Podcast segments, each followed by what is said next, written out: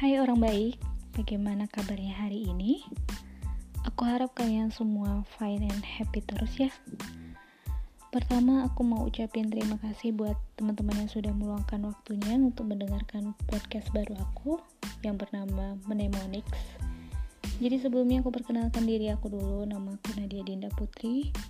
Aku anak ketiga dari lima bersaudara. Kebayang dong, gimana rasanya jadi aku sebagai anak tengah. It's kok jadi curhat ya? Next kita akan bahas tentang mnemonics. Jadi di podcast ini aku akan bercerita tentang si mnemonics. Jadi buat teman-teman yang penasaran, apa sih mnemonics ini? Tetap ikutin terus storynya. Yang pasti setiap harinya aku share di sini. Jadi kalian bisa mendengarkan dan semoga di setiap episodenya teman-teman bisa ambil sisi positifnya.